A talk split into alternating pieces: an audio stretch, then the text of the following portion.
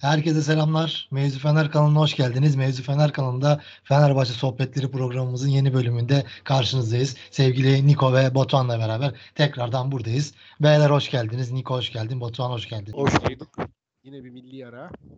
Aynen yine bir milli ara. En son 18 Ekim'de program yapmıştık. Oradan kaldığımız yerden devam edelim ve Fenerbahçe'yi konuşalım. Batuhan senle girelim abi. Neler diyeceksin? 18 Ekim'den bu yana Fenerbahçe Trabzon yenilgisi aldı. Adana Demir deplasmanı beraberliği bir de Avrupa'da yenilgimiz var. Bu seri bozuldu.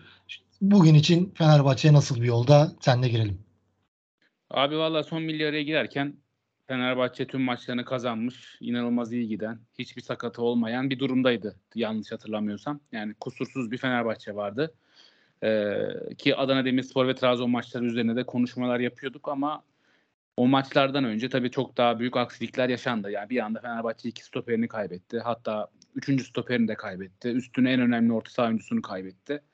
E Fenerbahçe'de bu tip değişikliklerden sonra da açıkçası Trabzonspor ve Adana Demirspor olan bakışımız hani Fenerbahçe'nin gerçek sınavları olacaktan çok e, nasıl bu işten çıkacağız noktasına döndü. Yani çok fazla ben gerçek sınav olarak değerlendiremiyorum. Yani bu iki maçı. Yani şöyle düşün ki bir üniversite sınavı var diyelim. Öğrenci 45 derece ateşle maça çıkacak yani. Sınava giriyor. O sınavdaki başarısı, başarısızlığı üzerinden o öğrenciyi değerlendirmek ne kadar doğru? Ya yani ben bu konuda çok netim. Birçok kişi hani şu görüşü savunabiliyor. Çok sakat var. Hoca bunları çözmek için orada. İşte ya bu yorumlar bana çok açıkçası sığ geliyor. Dünyada hepimiz yani burada üç kişiyiz. Üçümüz de futbolu çok seviyoruz. Çok fazla takip ediyoruz. Hatta işte Nikon'un işi direkt bu zaten. Ee, bizim olmasa da ama ne kadar çok takip ettiğimiz belli. Çok fazla örnek sayılabilir. Yani önemli takımlar, çok büyük bütçeli takımlardan bile ilk 11'inden 2-3 tane futbolcusunun sakatlandığı noktada bunu tolere edebilme ihtimali gerçekten çok az. Yani oyun olarak tolere edemezsin. Ee, puan olarak alabilirsin, şanslı olabilirsin. Fenerbahçe'nin bu dönemdeki en büyük şanssızlığı maçlarda geriye düşmesi ya da öne geçememesi oldu. Yani bunu söylemek lazım. Fenerbahçe Trabzonspor maçında öne geçseydi ya da 0-0 götürebilseydi ya da Adana, Adana Demir maçında öne geçseydi farklı senaryolar konuşurduk ama bu kadar eksiğin olduğu noktada bir de maç senaryosunda şansın da senin yanında olmadığı bir yerde yani çok doğal yani hem oyun olarak hem puan olarak oralarda kaybetmek. İşte Tottenham'ı görüyoruz lig lideriydi. İki stoperini kaybetti. Üstüne Madison'ı kaybetti e, Tottenham şu anda çok kötü durumda ki bence çok kötü gitmeye devam edecek. Ya da Manchester City'den sadece Rodri'nin olmadığı iki maç üst üste yenilgi, üç maçlık ceza aldı. iki maçta City kaybetti. Yani bu tip örnekleri çoğaltabiliriz. Barcelona, Real Madrid'de de son dönem yaşanan sakatlıklar. Yani bu takımlar bu sakatlıklardan etkilenir. Etkilenmeme ihtimali yok. Fenerbahçe de etkilendi. Ama neyse ki Galatasaray Hatay, Hatay'a yenilerek en azından orada bize bir e, rahatlık getirdi. Yani Galatasaray Hatay'ı yenseydi gerçekten bizim için sıkıntılı bir süreç başlayacaktı e, diyeyim. En azından şimdilik Niko'ya topu böyle atayım. Daha detaya yavaş yavaş girelim. Konuşuruz abi detayları. 16'da 16 başlamıştı Niko. Senle devam edelim abi. Fenerbahçe'miz 16'da 16 sonrasında dediğimiz gibi Trabzon yenilgisi ve Adana Demir beraberliği aldık. Sen neler diyeceksin bu kayıplarla ilgili ve Fenerbahçe'nin son durumu ile ilgili?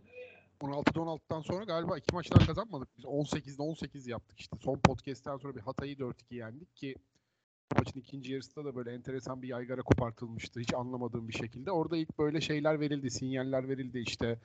E, oyunu biraz saldık, hatalı goller yedik. Böyle olmaması lazım. Yok ikinci yarıyı Hatay kazandı falan gibi böyle hiç anlamadığım yaklaşımlar ve bu tarz e, şeylerin arkasında takılan taraftar da çok oluyor. Yani Fenerbahçe'nin hassas bir düzlemde olduğunun e, ilk işaretlerini ben orada gördüm. Sonra Pendik maçı skoruyla olmasa da işte zemin tartışmaları ki ben maçtaydım. Yani hocanın o maçın sonunda zemin iyiydi demesini hiçbir zaman anlamayacağım. Çünkü zemin çok kuruydu. Kıp, kıpkısa çimler. E, çünkü oradan basın tribününden Mikson'a gitmek için de stadın içinden yürümemiz gerekiyor. Zaten o kadar ufak bir şey ki. Yani şeyden geçiyoruz abi. Fenerbahçeli oyuncular sahamızda Fred filan pizza yiyordu. Normalde asla olamayacak şeyler bunlar. Orada futbolcuların e, en özel yerleri ama stadın kendi yapısı o kadar ufak ki ya bunlara tanıklık olmak zorunda kaldık ve zemin hakikaten kötüydü ve Bekao benim gözümün önünde çat diye gitti yani kaydı ve normalde kayma hareketini sürdürmesi lazım ideal bir çim olsa.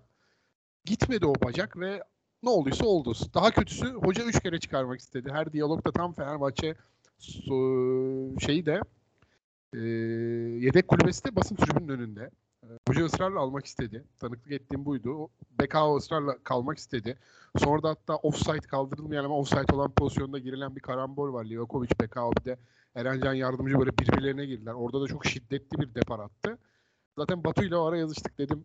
Gitti yani. Hani ben çok iyi bir senaryo çıkmaz bundan diye düşündüm açıkçası. Ee, ama biraz şey canım sıkmaya başladı. Yani kaç yıldır bu Trabzonspor maçının dönüp dolaşıp bir e, kader maçı ya da böyle bir şeylerin belirleyicisi sezona dönüp baktığında milat belirlediğiniz maç olma maçı olma durumu e, bu sene de sanki biraz vuku buldu gibi. Yani fikstürden hep bahsediyoruz. Batu'nun benim çok desteklediğim bir şeyi var. Yani fikstür açıp ilk haftadan bakıp bütün sezona dair bir projeksiyon çıkarmasının en manası olduğu şey yani. Hani Galatasaray'ın oynadığı Trabzonspor'a bakın. Fenerbahçe'nin oynadığı Trabzonspor'a bakın en basitinden. O yüzden yine Abdullah Avcı ile Abdullah Avcı'nın yazın Fenerbahçe'de anılmış olması hatta sunum yapmasına rağmen tercih edilmemiş olmasının ekstra motivasyon. E, Trabzonspor'un kötü giden sezonu biraz temize çekmek, biraz nefes almak için maça önem atfedeceği. Üstüne bizim eksiklikler, sakatlar. E, ama Galatasaray'ın Hatay mağlubiyeti ki normal şartlarda yani bunlar olacak zaten yani. Bu sezon çok ekstra bir performans sergiliyor iki takım. Hem ligin genel zayıflığı hem e, iki takımın yerlilerinin çok iyi performansı ve zaten ligdeki diğer takımların da biraz makası açan bu yabancı yerli kuralı oldu. Ben her ne kadar yerli kuralını destekleyen bir isim olsam da yani takımlarımız oyuncu yetiştirmiyor. E, zaten çok kötü yabancılar genelde seçiyorlar. E, ve o üç tane oyuncu da çok belirleyici olabiliyor. Ama e, Batu da bahsetti. Yani bu kadar yaygara, yani şu yaygarayı anlıyorum. 2-3 gündür Fred nerede, Ciku nerede diye işte bugün ilk defa Fred'li bir fotoğraf görüldü e, antrenmanda. E, sağlık ekibinin zaten Ertuğrul Karanlık'ın daha önceden Beşiktaş'ta da benzer vukuatları var. Çok güven veren bir sağlık ekibi değil ve bu önemli yani. Real Madrid daha geçenlerde artık üst üste sakatlıklardan sonra doktorunu gönderdi. E, maç e, sayısı giderek artıyor. Geçen seneki Dünya Kupası'ndan sonra iyiden iyiye çığırından çıkmış durumda. Yani şimdi öyle bir şey de var. Yaygın bir şey de var. Fenerbahçe'de sadece sakatlar oluyormuş gibi.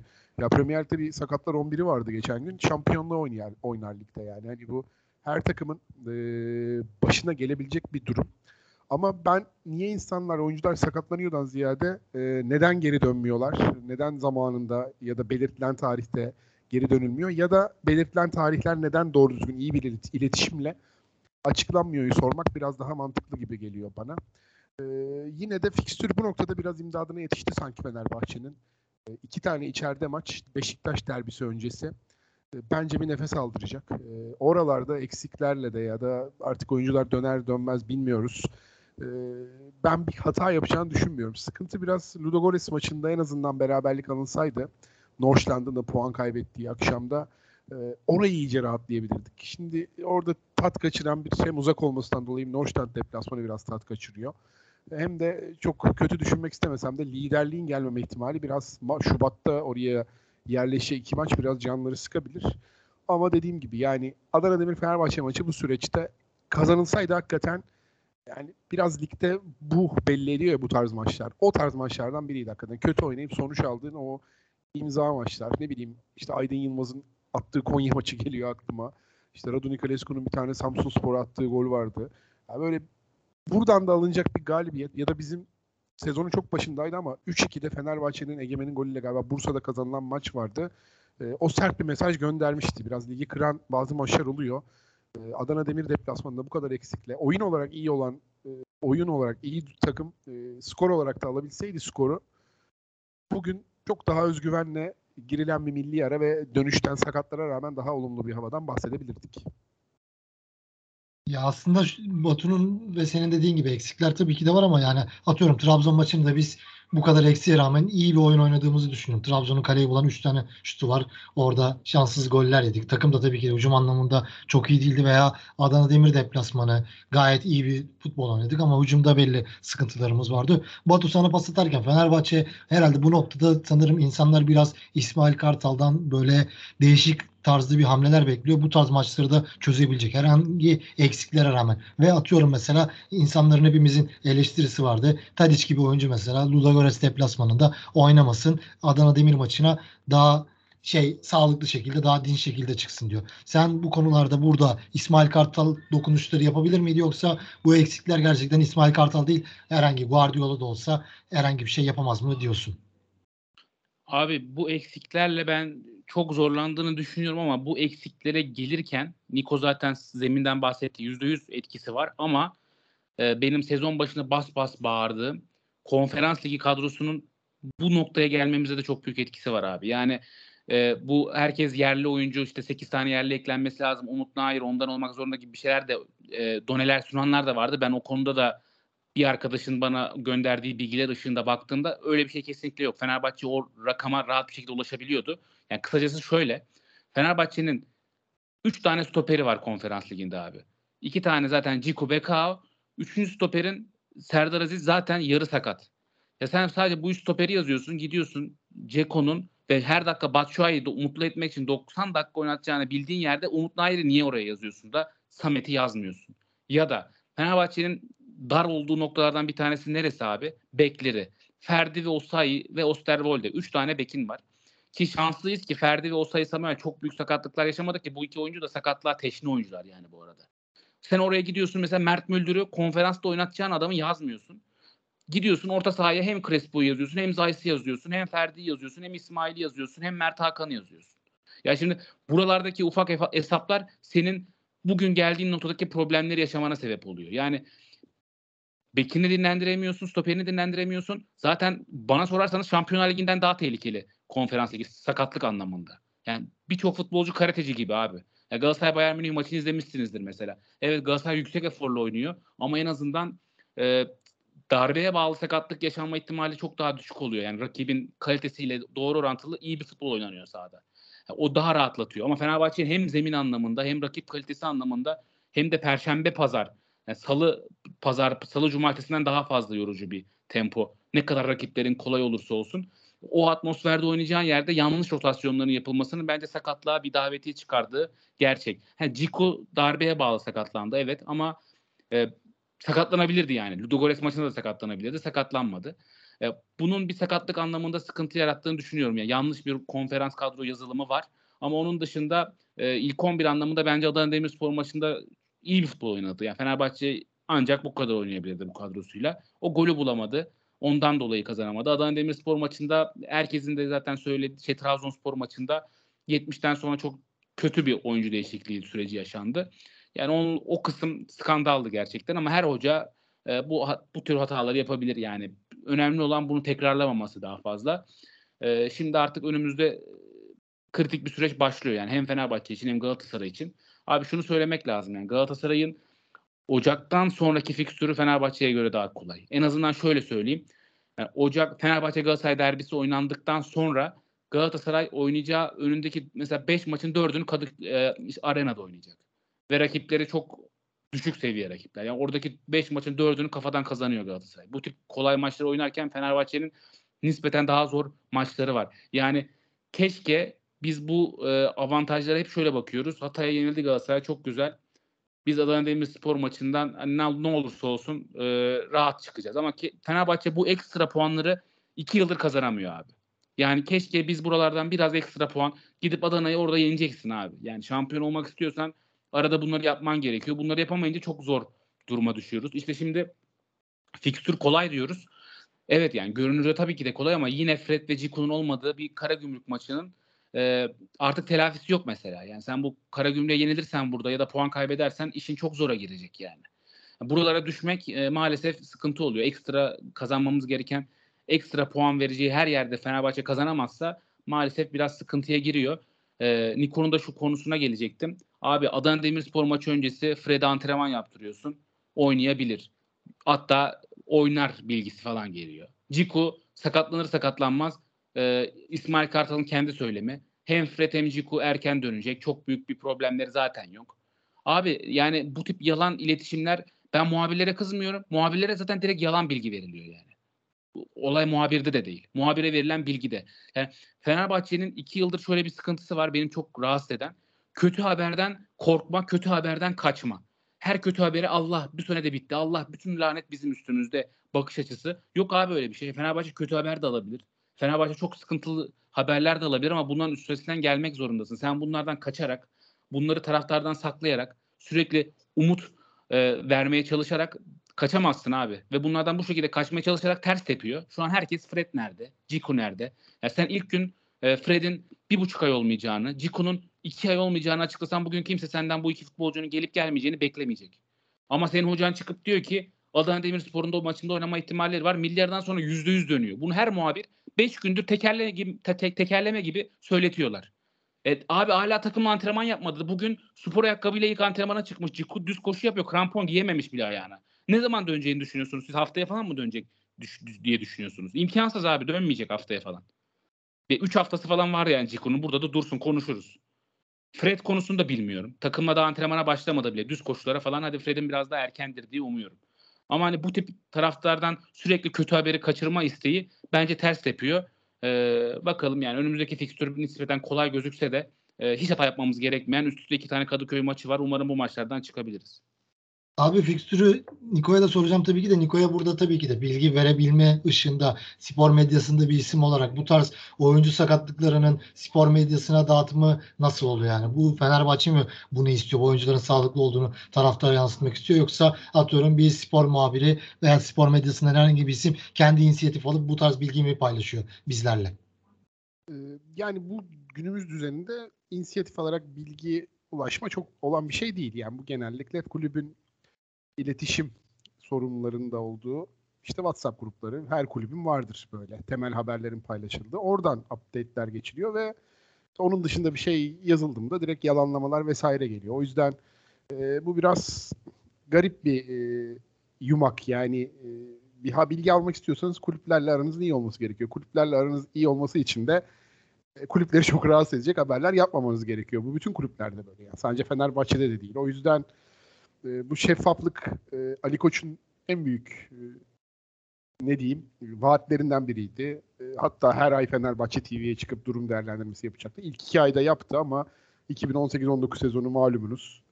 Düşme potasında geçti birçoğu ve e, çok uygun bir ortamda yoktu.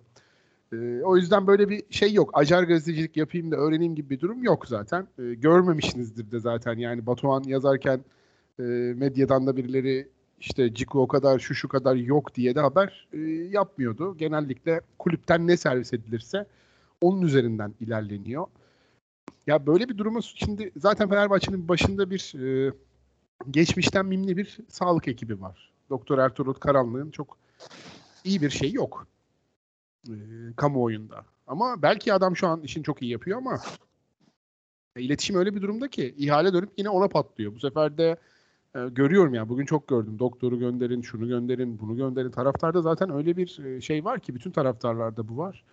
Hemen bir kelle alma derdinde. E, bu da ben yine Batuhan'a katılıyorum. Yani iletişim iyi yapılamadığı için bu iletişim. Yani sakatlık futbolda oluyor abi. Her herkesin başına gelebilir. Yani şu an ben hayatımda hiç görmediğim kadar bütün takımlar bunlarla boğuşuyor yani. Gördük işte bir 9 kişiyle Tottenham bir maç oynadı Chelsea'ye karşı. E, takımın yarısı gitti.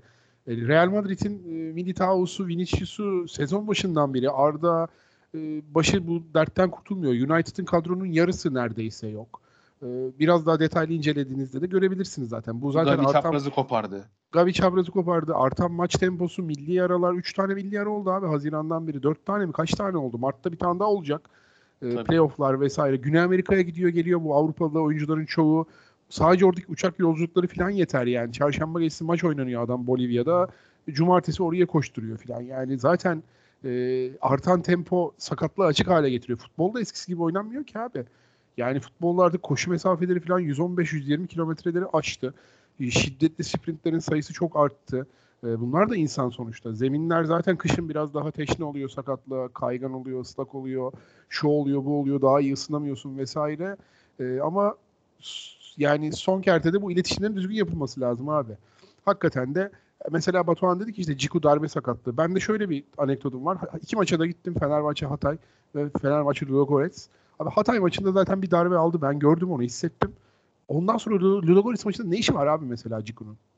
İçerideki Ludogorets maçında ne işi var yani? Bence ufak sakatlık orada büyüdü. Ben böyle bir e, şey gördüğüm bu bence. Çünkü Ciku da e, Aynen aynen. Yani biraz şey riskli bir oyun oynuyor. Her topa ayak sokuyor. Hiç mücadeleden geri adım atmıyor. Hakikaten böyle şey tekmeye kafa sokan tarzda bir oyuncu. E, Ben e, Hatay maçında da bir aldığı darbeden sonra uzun süre sektiğini gördüm. E, Bekao'yu da şu açıdan sene başından beri beni kıllandırıyor. Çok fazla böyle 75-80'de oyundan çıktı yani. Hani e, sanki böyle bir şeyden de korumaya çalışıyorlarmış adamı gibi bir durum vardı. Dikkat ettiniz mi bilmiyorum ama ya stoper değiştirmeyi ben maçında hiç sevmem. Değiştirilmesi falan bir zorunluluk yoksa hiç hoşuma gitmez bu durum. E, birkaç kere bunun olduğunu görmüştük zaten. E, o yüzden Abi orada gidiyoruz. bir tık şey de vardı. Ee, yerli sorunundan dolayı yabancı stoper çıkartıp Samet'i alıp İrfan yerine Kent sokabilmek biraz orada onu da denemesi vardı. Ama dediğin gibi hep 60-70'te çıkan Ciku değil hep BK oluyordu yani. Ama yani hani çok fazla insan şey parmak basmadı UEFA kadrosu seçilirken ki duruma. Aynen. Onun biraz başlara çorap öreceği belliydi yani. Mert Müldür neden Serdar'a yazık- güvenemezsin abi. E tabi hadi Samet'i satmayı düşünüyorsun vesaire tamam. Abi o zaman şeyi verme abi kiralığa. Genç çocuğu verme abi kiralığa. Emini verme abi. Aynen abi verme bizim çocuğu yani. Verme Ne yani belli ki süre gelecek. Bak Yusuf'a kadar süre geldi. Demek Emir'e de hatta Emir rotasyonda olsaydı daha çok da oynardı bence tecrübesiyle.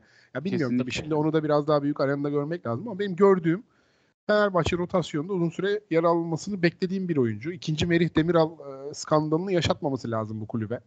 E, çünkü çok büyük bir skandal yani Merih Demiral'ın Fenerbahçe'nin hiç yararlanamadan e, bu seviyede yani benim çok beğendiğim bir stoper olmasa da e, Juventus seviyesine kadar çıkmayı başarmış bir oyuncudan bahsediyoruz yani ve sıfır faydalandı Fenerbahçe. Portekiz'in ikinci, üçüncü liginde palazlandı. Oradan yürüyen giden bir kare. Alanya Spor bile yarım devrede daha çok yararlandı yani Melih'ten.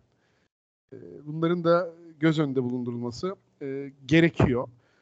Ama dediğim gibi yani sakatlıklar herkeste oluyor abi. Herkeste oluyor. Burada da işte ya biri çıkmış işte Ömer Üründül'ü şey gösteriyor. Ömer Üründül diyormuş ki o yorgun bu sakat. Abi yani Ömer Üründül'ü çok severim. Saygım da sonsuzdur. Hatta Türkiye'de bugün biraz futbol saha içi e, şeyde konuşuluyorsa hakikaten payı çok büyüktür. Misyonerdir bence bu konuda. Yani şimdi Futbol Kolik YouTube kanalını biliyorsunuz değil mi?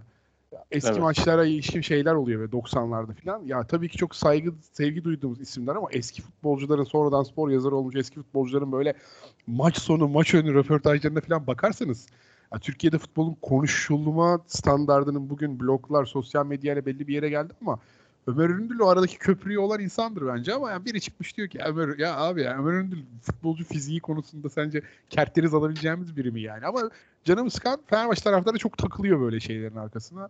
E, Bunlara da dikkatli olmak lazım bence. Peki Batu sana da şunu sormak istiyorum. Fenerbahçe Karagümrük maçından önce Galatasaray Alanya maçı var. Galatasaray Alanya'yı yendiği takdirde ve Fenerbahçe Karagümrük'ü diyelim 1-0 kaybediyor Fenerbahçe evinde. Sadece puan farkı 3 olacak ama psikolojik olarak Fenerbahçe'nin bu durumu aşacağını düşünüyor musun? Yoksa Fenerbahçe dağılmaya müsait mi bu açıdan? Ya abi daha çok fazla maç var. 3 puan farkla düşünce öyle bir havaya girmem ama e, çok zorlanırız abi. Yani Galatasaray şu an Şampiyonlar Ligi'nin en yoğun dönemindeyken 4 maçını bitir ki şu anki bir durum bile maalesef Fenerbahçe'den iyi değil abi. Yani yıllardır Şampiyonlar Ligi oynayan takımların şu anki noktaya geldiklerinde normalde 5 puan 6 puan geride olduğunu çok fazla gördük. Yani Galatasaray Ara- araya gireyim mi burada? Ama bunda da Tabii. Fenerbahçe'nin yapabileceği bir şey yok Batuhan tam ya. oraya giriyordum. Tam Yani onu hani- söylüyordum abi. Yok tam onu söylüyordum. Fenerbahçe üzerine düşeni fazlasıyla yaptı. Ee, Aynen, buraya aynen. 27-28 puanla girilecek deseydin 12 haftada okey derdik. 31 girildi yetmedi yani. Tabii tabii yok Fenerbahçe'yi eleştirmek açısından söylemiyorum. Demeye çalıştığım şey şu. Galatasaray seni şu noktaya itti. Senin çok fazla hata yapma ihtimalin yok yani. Onu söylemeye çalışacaktım. Yoksa Fenerbahçe zaten 12 maçta da ne kadar puan toplayabilir? E, toplayabileceği maksimum puan topladı. Galatasaray olabileceğinin maksimum puanını toplamadı bence. Maksimumun puanının üstüne biraz da ittirme puanlar topladı. Oraya çok girmeyeceğim. E, ama e, bize şu anda bu riski verdi maalesef. Ki Galatasaray bence Fenerbahçe'den nispeten bir tık çok acayip herkesin abarttığı algı yaptığı kadar değil ama bir tık daha zor bir fikstürden e, ve Şampiyonlar Ligi ile birlikte bunu başarmışken Fenerbahçe maalesef e, ne kadar yüksek puan toplasa da Galatasaray'ın bu yüksek başarısından dolayı şu an elinde bir avantajı yok. Herhangi bir e, sürpriz puan kaybı yapma lüksü yok. E, önünde de artık e, iki maç üstte kaybetmiş bir Fener, iki maç üst üste puan kaybetmiş bir Fenerbahçe'den bahsediyoruz. E, artık e, yani kesinlikle psikolojik olarak sıkıntı yaşarız ki Karagümrük dediğimiz takımda son 4 maçını sanıyorum değil mi? Fena gitmiyorlar yani son maçlarda. Trabzonspor'u falan yendikleri maçlar var. Düşünüldüğü kadar kolay da olmayabilir. Umarım Fenerbahçe o ritmini tekrardan sağlar abi. Yani önemli olan kazanmak tabii ki de. Ama Fenerbahçe'nin tekrardan o ilk 10 haftadaki ligdeki o ihtişamlı oyunu e, gösterebilip gösteremeyeceğini görmek benim için daha önemli.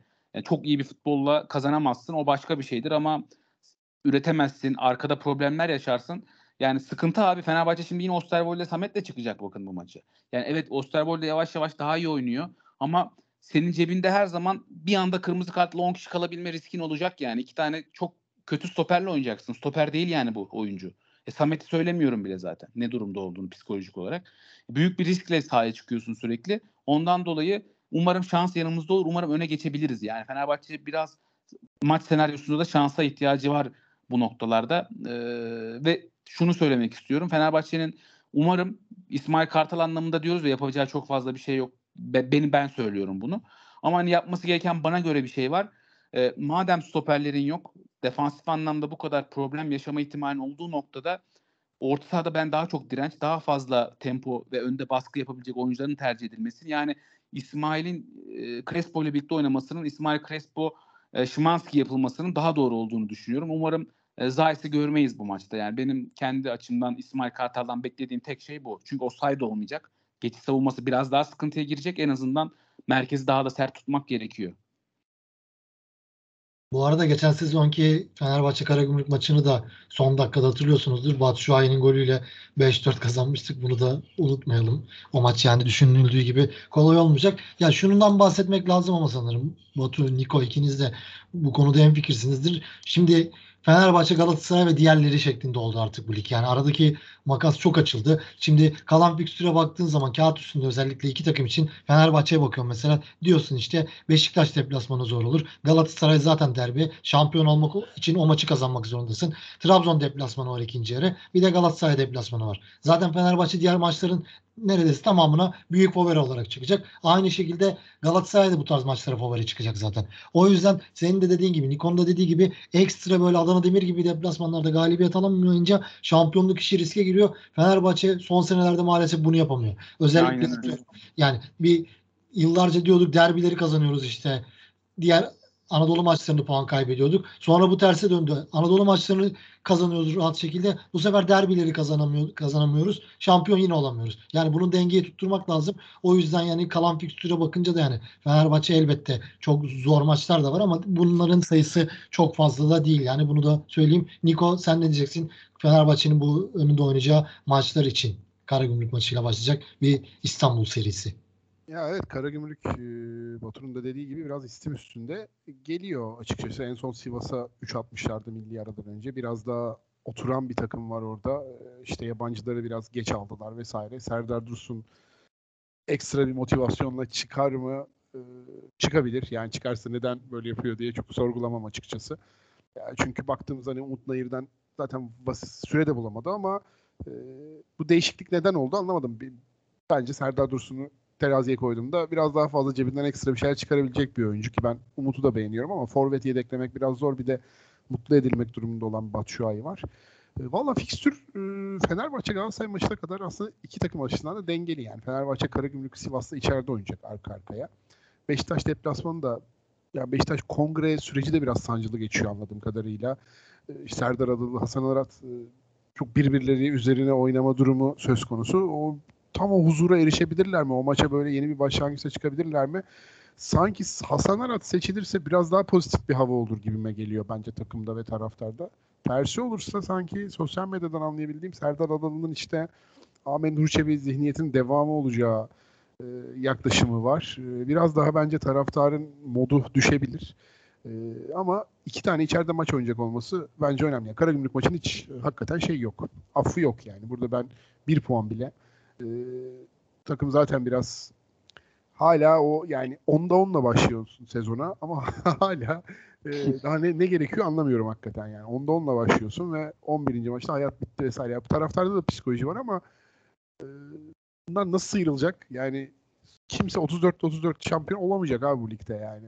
E, evet biraz şanssızlığımız var. Normal diğer Galatasaray geçen sene gibi bile başlangıcını yapmış olsaydı farklı bir şeyler konuşuyor olabilirdik belki. Yani Galatasaray'ın geçen sene 12. haftada 22 veya 23 puanı vardı yanlış hatırlamıyorsam eğer. Evet evet öyle. Şimdi öyle bir şey olsa biraz daha farklı şeylerden konuşabilirdik bence. Ee, ama ön, elimizdeki senaryo bu açıkçası. Ee, dediğim gibi biraz şans oldu.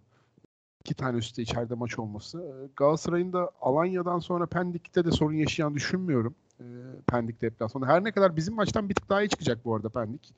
Biraz daha yeni hoca bir şeyler oturttu bence. O kadar dağınık olacaklarını düşünmüyorum. Ee, ama so- sonra içerideki Adana Demir maçı sorun yaşayabilecekleri bir maç gibi. Adana Demir tam Galatasaray'ın zaaflarına e, uygun oyun oynayabilen bir takım. Ama onlar da bir düşüşte. Clivert da yavaş yavaş bence Montella'nın bıraktığı mirasın e, şeylerini yedi yedi yedi biraz kendinden bir şeyler koymaya lazım koyması gerekiyor sanki. Ha, bizim maçta da biz bu kadar eksikken bu kadar ben silik bir oyun beklemiyordum. E, Ferdi Yusuf Sarı'yı bitirdiği an başka hiçbir planı kalmadı yani. Belhanda da çok ekstra bir maç çıkaramadı. E, neredeyse pozisyonsuz biten bir maç oldu onlar adına. E, o yüzden 2'de 2 Mesela Elze- Galatasaray orada Kopenhag deplasmanından Sivas deplasmanına geçecek. Evet. Mesela. Yani oralar Evet. yani oraları da faydalanman için senin de Aynen. kazanman Yani gerekiyor. senin yani. 24 24 Aralık'a kadar oynanacağın maçlarda 6, hadi Beşiktaş 7 diyelim. Konya'yı 10, Kayseri, işte bu Adana Demir türü maçlar alacaksın, çalacaksın, geleceksin. 13 yani 13 puan alman lazım abi. Aynen öyle. Aşağısı sıkıntı. 13 ile gidersen lider de belki puan farkıyla bile lider. Yani e, aksi bir sonuçta beraberlikte liderliği bırakmayacağım bir şeyle. Sonra İstanbul Spor deplasmanı vesaire var. Tabii o ufak bir aranın ardından gelecek onlar. iki haftalık aranın ardından. E, ama e, ya Fenerbahçe'nin öyle bir gücü de var aslında. Tam kadro olduğunda hakikaten bir tane daha 10 maçlık seri de yapabilir açıkçası. Yani Abi işte ne zaman tam Fener, kadro? Fenerbahçe'nin hala işte Trabzon maçından sonra ben bunlara falan hiç katılmıyorum. Bunlar çok boş ezberler. Fenerbahçe'nin oyunu çözüldü. Trabzon panzehir oldu filan. Abi bunları, Ya yok abi, bunları geç geçiniz abi. abi. yani. Bunları bunları e, bir Fenerbahçe'yi destekleyen bir insan olarak söylemiyorum. Biraz futbol izleyen bir insan olarak söylüyorum. Yani bir şeyin çözüldüğü falan yoktu açıkçası. Ee, tam kadro olsaydı ve bu gerçekleşseydi ya da geçen ya geçen seneki çok övülen Trabzonspor'un Fenerbahçe'yi yenmesi bile 2-0 Dünya Kupası dönüşü yani bir sistemin alt edilişi falan değildi. Bunu gerçekten göstere göstere yapan tek takım bence Galatasaray'dı Kadıköy'deki ilk maçta. Ee, onun dışında e, biraz ezber gibi geliyor. Yani e, bence hala Fenerbahçe işte çözüldü, şöyle oldu, böyle oldu demek için erken e, tam kadro çıkmış. Bütün tankla, tüfekle saldıran e, bir Fenerbahçe'ye karşı yapılsaydı kabul edilebilirdi. E, ama Kesin. e, Abi Galatasaray'dan Davinson, Abdülkerim ve Torreira'nın üçün aynı anda hatta bir de E, üstüne tabii. Nelson olmasın da bakayım ben ne olacak yani. Aynen öyle. Yani işte Beşiktaş niye bu halde mesela? O denilen transferlerin hiçbiri yapamadığı için ve sürekli yedeklerle oynuyormuş gibi bir his var ya Beşiktaş'ta biraz. Evet, bu var. aynen öyle. O doğuştan sakatlar var gibi yani. Aynen. Yani hani kötü bir kadro kurmuşsun gibi vesaire. Ya da Trabzon niye rezalet başladı abi lige? Kadro ortadaydı. 2-3 takviye gelince onu açıyor vesaire. E gözle görülür bir yükseliş gelmiş oldu. Abdullah Avcı geldi. 4 maç 10 puan. Hiç fena değil açıkçası Karagümrük beraberliği dışında yani. Hani e, bu yüzden neden bu kadar galeyana geliniyor? Neden bu kadar e, bu sakatlıklardan bağımsız konuşuluyor? Yani ya bir sakatlık olur tamam ama yani e, ha, sen diyordun ya Ferdi takımın en iyisiyse sıkıntı vardı zaten diye. Ferdi yine iki maçtır takımın en iyisiydi yani. Aynen çünkü, öyle. Çünkü ön tarafta kalite inanılmaz düştü. Tam Bir tek öyle oldu. Ufak bir hayal kırıklığım Adana Demirspor Ceko. Ya Aynen. Bir tanesini içeri ittirebilirdi yani. Hani e, bir tanesini içeri ittirebilirdi. E, Bazen acele etti, bazen zamanlama yapamadı. Ka- kaçırdıklarından ziyade bir tane Tadic'e zamanında vermediği pas var ki çok en iyi yaptığı sene başından beri. İkinci yarının başındaydı galiba Hı hı, hatırlayacaksınız. Sola doğru bomboştu vermedi. Ama onlara da iyi geldiğini düşünüyorum. Ceko'dan hakikaten Bosna milli takımının şansı kalmadığı için şu kertede e, gitmemesi e, onun da aidiyetini aslında gösteriyor. Bu çok önemli bence kulüp için. Ya kolay değil yani. Bosna gibi e, farklı bir geçmişi var ve bu tarz milli değerler önemli. Öyle olmasa adam zaten 37 yaşına kadar hala milli takımda da oynamaz yani. Ki Bosna milli takımı da tarihin en kötü durumlarından birinde şu an. Yani o 2014 Bosna öneleme oynayacak ama değil mi? Playoff Evet, oynayacak. Mart'ta oynayacak, playoff oynayacak. Uluslar Ligi playoff'u. Orada da Ee, yani orada bile şanssız bütün oyuncularımız kritik maça çıkacak. Şimanski de var orada. Evet, neyse ki şey Sırbistan garantiledi. Sırbistan'ın, ya orada Sırbistan'ın yeni hoca tam bizim ekmeğe yağ sürüyordu bu arada. Oynatmıyordu falan da olay oldu. Karıştı Sırbistan. Bir maçta başlatmadı. aynen. Ee, Şimanski de oynamıyor gerçi çok fazla ama Szymanski de çok oynamıyor. Zielinski'yi hala tam kesemedi. Yedekte başlıyor. Abi mesela bu konuda da Galatasaray bu döneme Şampiyonlar Ligi'ni diyoruz ya çok yoğun bir fikstürü var. Galatasaray sürekli milli ara kurtardı Galatasaray'ı. Sacha Boy milli takıma gitmiyor. Torreira milli takıma gitmiyor. Davinson bir gidiyor. Muslera de gitmiyor. Zaha gitmedi. Yani Galatasaray'ın tüm önemli kritik yabancılarının milli takım alakası yok. 15 Bielsa bir süreci var. geldi zaten. Ben mesela Torreira'yı Bielsa gibi pres seven bir teknik adamın da neden almadığını anlamıyorum Torreira'yı mesela. Çok saçma geliyor bana bir yandan da. Çok enter. Tamam Uruguay'ın inanılmaz orta rotasyonu var ama hiç Tamam e, da gön- sen bir kadroya bile almaması çok ilginç. pres canavarısın. Çok eforlu oynayan bir takım yaratmışsın. Yani bu işi çok üst seviye yapan 27-28 yaşında bir oyuncuyu çağırmaması ilginç. Demek ki e, oyun anlayışına çok uymuyor. Onlar zaten Muslera sonrası için hazırlık yapıyorlar uzun süredir de e, senin dediğinde haklı tabii. Yani hani bizim bu açıdan şansımız işte Fred'in hiç milli takım artık gitmiyor olması Başka yok olacaktı. zaten. Ama e, daha bir de Afrika Kupası'nda Ciku'nun tekrar bir tur daha gidecek olması var. O da biraz gidecek. sıkıyor. İkisi Evet de Osayi de Nijerya milli takımına gidiyor. Böyle durumlarda Yani sıkıntı söz- şunu ekleyeceğim abi fikstürle alakalı. Yani sürekli 4 maç oyna 15 gün ara ver Galatasaray'a çok yaradı. Bu kesinlikle böyle. Yani 2-3 tane yerli oyuncusu dışında hepsi dinleniyordu oyuncuların ve bunun Okan Buruk kendisi de açıklamıştı zaten. Hani Saşa Boy'u mesaj dinlendirmedik çünkü tam bir maç tam öyle yani artık sakatlanacak ihtimal yükseldiği noktada 15 gün ara geliyordu ve dinleniyordu tüm oyuncular. Ama şu anda artık mesela bu 4 maçlık periyodun bittiği noktada milli ara yok. Hatta milli ara olmasını geçtim. Ligin ilk e, 7 günde 3 maç oynanacağı döneme gidiyoruz. Hafta içi fikstürün olduğu dönem. Hafta içi fikstürün sonunda da Fenerbahçe Galatasaray maçı oynanacak. Yani e, 7 günde 3 maç var. 3. maç Fenerbahçe Galatasaray maçı o dönemde. E, orası da kritik bir nokta. Yani 8 maçlık ligde hiç aranın verilmediği hatta sonunda da 3 maçın oynandığı e, üstüne bir de Süper Kupa Galatasaray maçının olduğu 4 hafta maç hatta söyleyebiliriz. Hatay maçında da bu belli oldu yani. Bazı oyuncular Aynen. Galatasaray'da gerçekten fiziksel olarak artık yıprandı. Ve şu, yani milli ara girmeseydi mesela Galatasaray çok zorlanabilirdi yani. Sakatlık hiç abi Avrupa'da tüm takımlar dahil bence Galatasaray kadar az sakatlık veren takım yoktur yani. Ben ta, yani tüm ligleri takip etmeye çalışıyorum. Ben Galatasaray gibisini görmedim. Yani evet, Galatasaray'ın sakatlığı yok işte- abi. olan da işte Icardi düzenli oynadı antrenman yapmayarak. Muslera haftalarca yok dendi. Maça çıktı. Hiçbir şey yok Muslera'nın. Tebrik yani. etmek lazım vallahi yani böyle bir sağlık ekibi. Kas sakatlığı hiç yaşamıyor. Yani Evet, kas evet. sakatlığı sıfır. Ya büyük başarı bu. Yani hem oyuncuların demek ki doğru seçimi.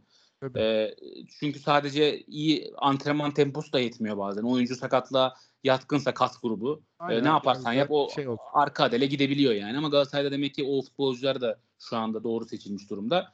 Ama şimdi milyara Galatasaray'ın yok. sorunu hiç ritme sokamadığı bazı oyuncular. Yani eskiden kalan sakatlık sorunlarının bir türlü tam performans vermesine sebep ol, vermedi. İşte Endombele, Ziyech, e, hatta Zaha. hala Zaha hayal edilenden evet biraz temposunu arttırdı ama ya Zaha gelecek, uçacak, kaçacak, tek başına kaç tane maç alacak diye Fenerbahçe için yazılırken de Fenerbahçeli taraftarların beklentisi bu yöndeydi açıkçası. Ee, Kerem'in geçen sene orada sergilediği performansın bir benzerini göstermedi mesela. Galatasaray'da biraz o sorunlarla e, boğuşabilir gibi. Yani böyle birkaç kötü sonucun bir domino etkisi yaratabileceği bir ortam var gibi. Yani bu yüksek maliyetli kadroların Şampiyonlar Ligi hedefi kalmadıktan sonraki çözülmesi çok sık tekrarlandı. Ee, Türk futbol tarihi boyunca. Yani e, işte Pepeli, o Negredoğlu falan Beşiktaş'ın hatırlıyorsun. Lider çıktığı sene ligi dördüncü bitirdiler galiba. Aynen. Ee, Galatasaray'ın şampiyon olduktan sonra o Enzonzi, Lemina, Seri, Falcao bu takım benzer bir kader paylaştı.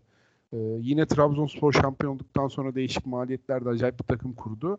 Ama e, Galatasaray'da şu ana kadarki performansa biraz ona bir istisna oldu. Yani hem ligden kopmadı hem Avrupa'da da güçlü bir şekilde e, gruptan çıkma şansını sürdürüyor ve hiçbir yeni transferden tam anlamıyla katkı alamamalarına rağmen yani Acayip bir olay. yani. Gerçekten tat kaçırdı. alamadılar.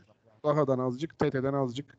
Davinson Sanchez çok ekstra oynadı evet ama o da böyle birinci öncelik değildi zaten. Yani Nelson Abdülkerim Nelson Son gider diye geldi. falan alınan bir şeydi. Böyle Elzem lütfen Davinson Sanchez gibi stoper alın gibi bir şey de yokken oraya yapılan bir tercih. Hatta Nelson'u belki kaybetme ya da piyasasını düşürme riskini al, barındırmasına rağmen bir tercihle fark yarattı.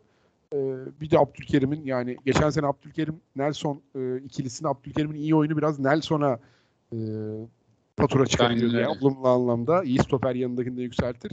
Ya, keramet Abdülkerim'deymiş gibime geliyor sanki hakikaten. Yani Selçuk İnan'dan sonra ikinci büyük kırılması bence Türk futbol transferlerinde. Bilmiyorum Fenerbahçe'ye gelse bu oyunu sergiler miydi? Geçen seneki bizim sistem onu da değersizleştirir miydi emin değilim.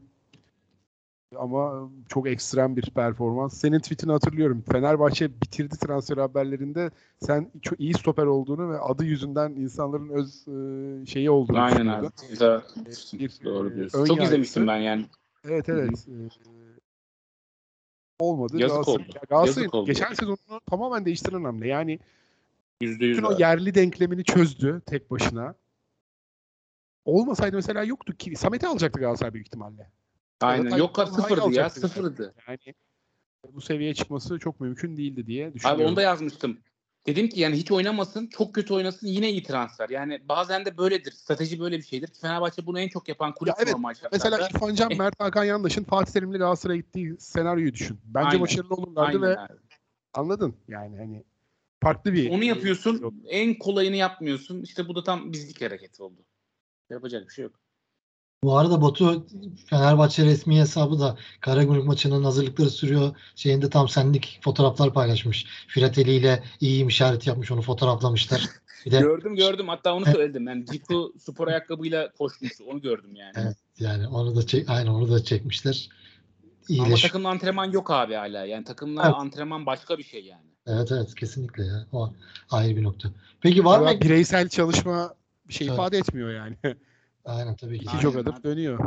Arada şey Bizden bunu gördük. Ya ben hiç konuşmadık. Bir şey unutmadan söyleyeyim. söyle abi. Ee, yani Fenerbahçe için bence bu noktada kritik bir noktada Cengiz yani. Cengiz'in artık e, tamamen e, devreye girmesi gerekiyor. Yani İrfan istediği kadar iyi olsun ama Fenerbahçe büyük maçları kazanacaksa mesela Fenerbahçe Adana Demirspor'u atıyorum çok iyi bir bildiğimiz Cengiz olsaydı Cengiz de maçı yenebilirdi ama iyi çok iyi bir İrfan bir maç alacak bir profil değil. İrfan çok iyi bir sezon geçiriyor. O ayrı bir konu. Ama Cengiz başka bir kademenin oyuncusu abi. Yani sen iyi bir Cengiz'e bence çok ihtiyaç var. Ya hatta benim bir iki ay önceden söylediğim bir şey vardı. Ee, burada da sanırım programda iki program önce seninle yaptığım sezon başı programında söylemiştim. Ya sezonun bir noktasında bana göre Ziyeh mi Cengiz mi daha çok verim verecek? Çok etkili ol- etkili olacağını düşünüyorum. Yani sezonda kim kazanacak? O belirli olacak. Ee, Ben Cengiz'den çok fazla şey bekliyorum bu noktadan sonra. Yani çünkü Euro 2024 geliyor. Kanat rotasyonu zebil gibi Türkiye'de. Orada da büyük bir savaş olacak. Hani Cengiz'i eğer Avrupa Şampiyonası'nda kadroda görüyorsak bence Fenerbahçe şampiyon olmuş demektir. Yani buradan da o şeyi vereyim. İlk tahmini yapayım. Evet ya ben onun Mert Hakan'ın açısından da aslında öyle bir diyorum acaba iyi performans sergilese veya işte kendini daha zorlar sahada kalmaya çalışır sakatlıktan uzak bir şekilde bu sırf Avrupa Şampiyonası'na gidebilme ihtimali üzerinden abi. artar mı? Tabii ki de Mert Hakan olunca artar diyemiyoruz da bir umut diyelim. Cengiz için Yani ama orta saha rotasyonu çok geniş. imkansız da. E, Mert Hakan da takım antrenman yapmıyor diye biliyorum. Hala yok o da galiba. yok yok evet evet. Mert Hakan gençlerin Cengiz konusunda ben de katılıyorum yani. Cengiz'in bütün maç istikrarlı, bütün sezon istikrarlı oynamasına gerek yok abi. Ee, şöyle arada bir kafayı kaldırıp 5 gol 8 asist, 5 gol 6 asist ama 0-0'dan 1-0'a, 1-1'den 2-1'e yapan e, o işleri yapacak. Samsun maçında öyle başlayarak açıkçası umutlandırmıştı beni. Ama onun da Rize maçındaydı galiba. O birinci dakikadaki sakatlığını pek anlamlandıramadım. Antalya maçı abi. Antalya maçı. Antalya mıydı? Aynen. Maçtaydım ben. O yüzden çok anlamlandıramadım. Ama belirleyici olacak katılıyorum ona. Yani Cengiz şapkadan tavşan çıkarma potansiyeli olan bir oyuncu bence. Ve ender oyuncu yani bizim o şutörlük Evet. oradan onun katkısı şart Evet. abi ve Cengiz'le Diğer ilgili işte Şimanski, İrfan bunlar hep tamamen işleyen bir yapıda e, daha size fayda verecek oyuncular. Yani Ceko kusursuz bir bağlantı oyunu oynayacak. Tadic orada e, oyunu kuracak. E, Ceza sahasında boşluklar oluşacak. Fred şey gibi sahayı tarayacak. Cyclops gibi araya işte dip driplingleri atacak falan.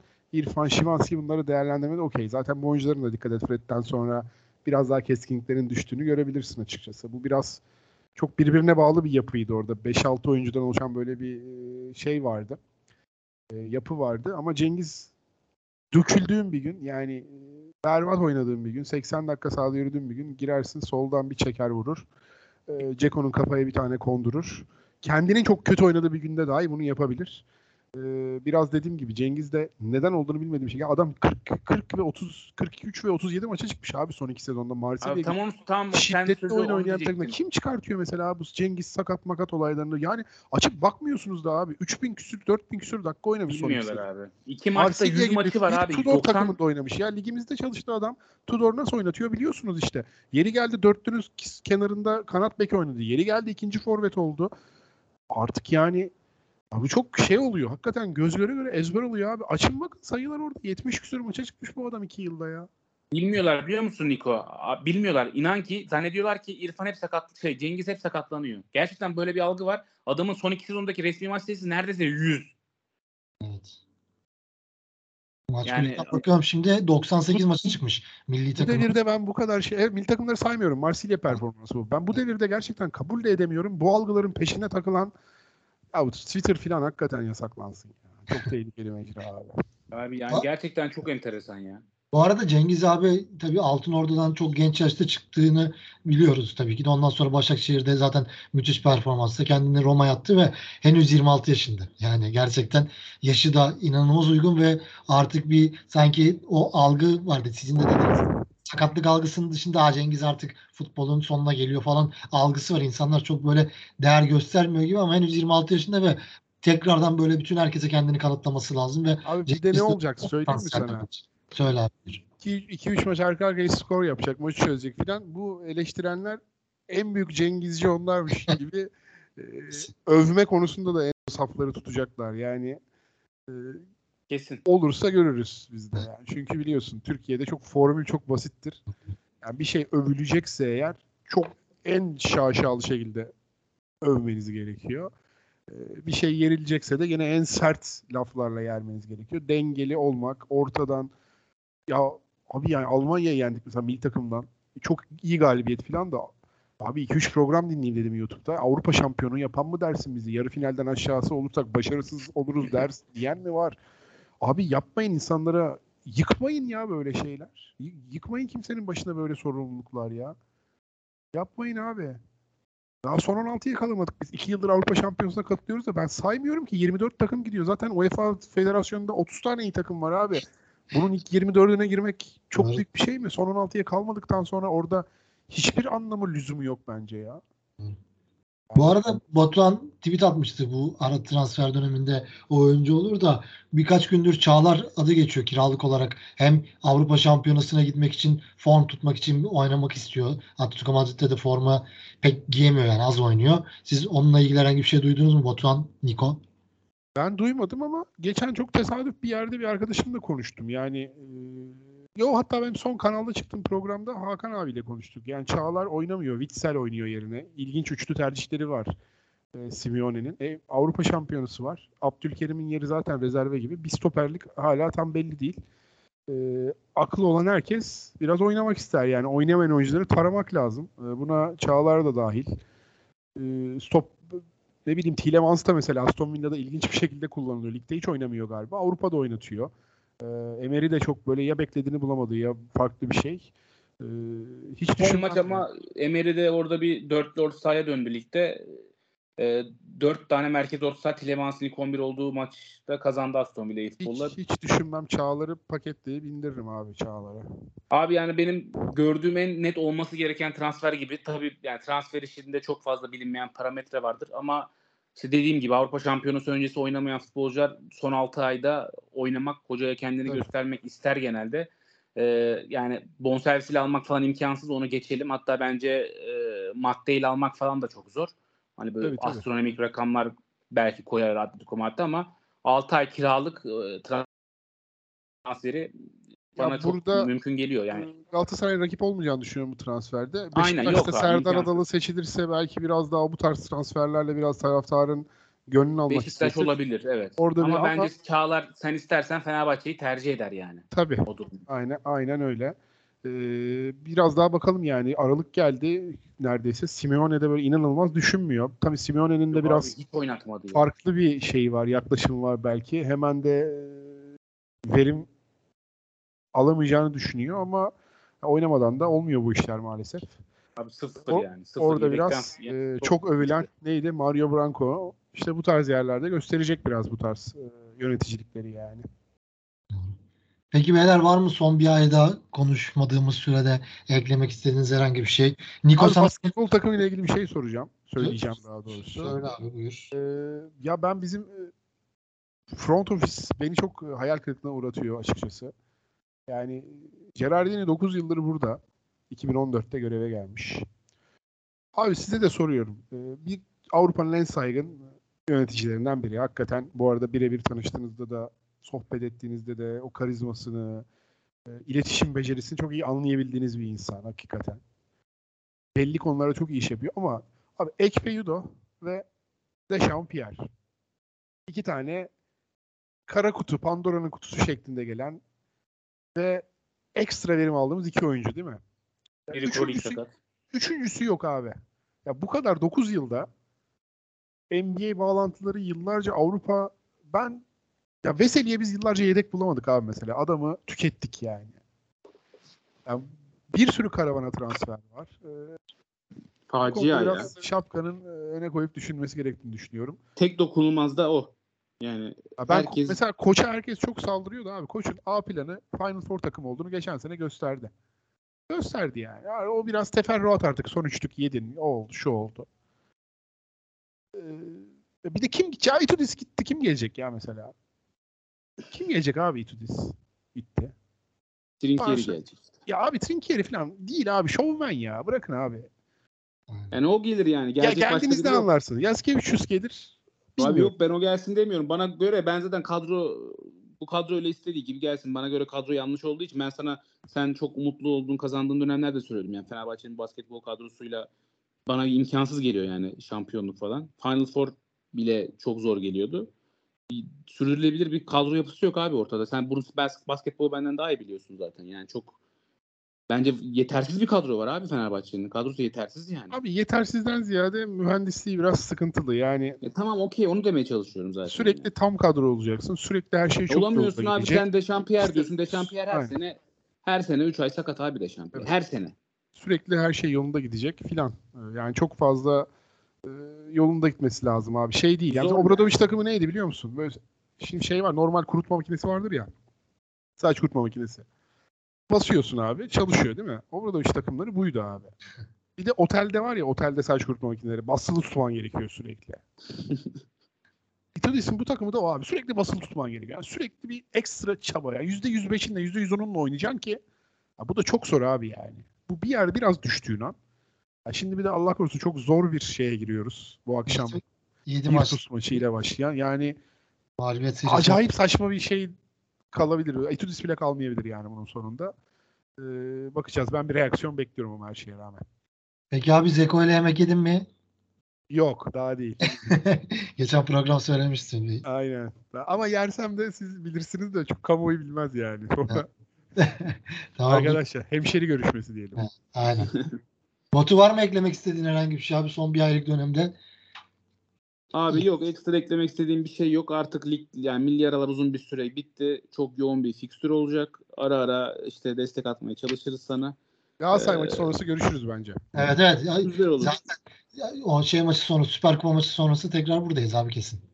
Yani Aynen öyle yaparız. Ee, Bence Süper Kupa İnşallah lig, lig lig sonrası maçı Süper Kupa öncesi oluyor yani. aynen Yani, öyle yapalım Aynen, abi. Öyle 24 yapalım. Sonrası olabilir. Yani umarım Teşekkür ederim hepinize. Yani umarım Ben güzel bir yoğun bir fikstür iyi geçer. mutluluklar bu arada. Kaşla göz arası evlendin. Bunu da Evet, nasıl yaptın? Teşekkür ediyorum. abi. Şaşırdık Çok sağ ol. evet, Çok tebrik teşekkür ederim. Ama şöyle söyleyeyim Hatay'ın galibiyeti gerçekten bünyeye bambaşka bir şey ya. Yani İyi- acayip bir şey. ya. İyi ekmek yedin o tweetten de. Yiğit. İyi ekmek yedim ama inan ki show tweet'i değil ya. Yani bünyeye başka bir şey veriyor abi. Yapacak hiçbir şey yok yani. En büyük show tweet'i neydi biliyor musun? İlker abi ve İlker Üçer'in bir tane tweet'i vardı. Fenerbahçe Final Four'a mı ne kalmıştı? Fenerbahçe fotosu paylaşıp seni her şeyden çok seviyorum demişti. Pınar da altına yazmıştı eşi. He, Bayağı evet, viral olmuştu. evet, evet, evet. Onları da analım selam gönderelim. Aynen ama ekmek yiyeceğini biliyordum Yiğit tweet'in. O da doğru yani. Ekmek yiyece- gelecekti yani belliydi. Peki Kadıköy'e geliyor musun yakın zamanda Batu? Gelirim gelirim muhtemelen e, Sivas maçı falan. Sivas maçı belki ya. Belki Sivas maçı olabilir. Tamam. Görüşürüz o zaman. Niko ağzına Görüşürüz sağlık abi. Eyvallah. Çok teşekkürler. Yiğidim. Batu senin de ağzına sağlık abi. Bizi dinleyen Teşekkürler abi çok sağ ol. eyvallah. Bizi dinleyen herkese de teşekkür ederiz. Mevzu Fener kanalında Fenerbahçe konuşmaya devam edeceğiz. Şimdilik hoşçakalın. Hoşçakalın.